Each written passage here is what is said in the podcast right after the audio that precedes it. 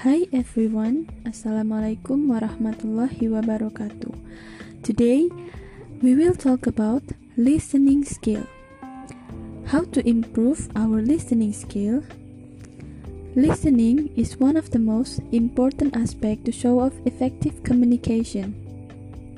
By improving your listening skill, you can make speaker feel heard and understood.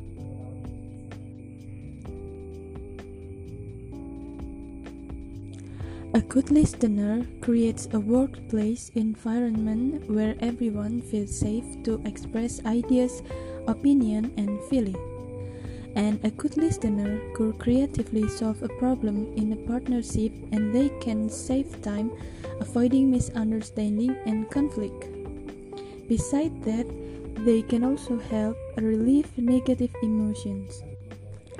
There are four key skills that you have to learn to unblock the power of effective listening.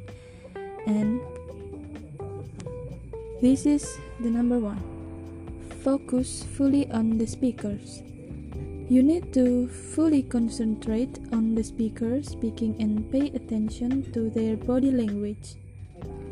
Second is interrupting, avoiding interrupting. It's very common to people inter- interrupt each other when communicating. It's very frustrating, isn't it? You feel like you're not being heard and it happens often enough.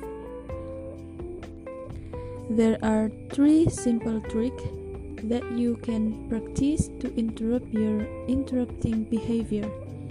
Number one, try to close your mouth while listening. The second is make a note during the conversation you make with your colleague. And the last is try to change your focus.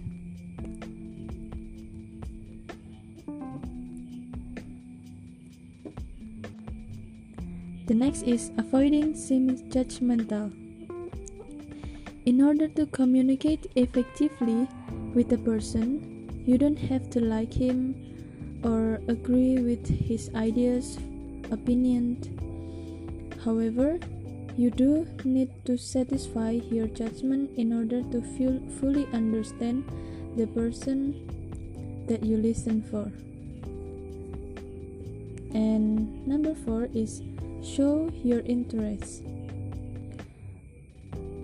You need to look interest in what the other is saying and try not to occasionally and then smile at the persons who talking to. Like say yes. Oh right and really I like that. Or you can have a Show your listening with non words like mm hmm, yep, okay.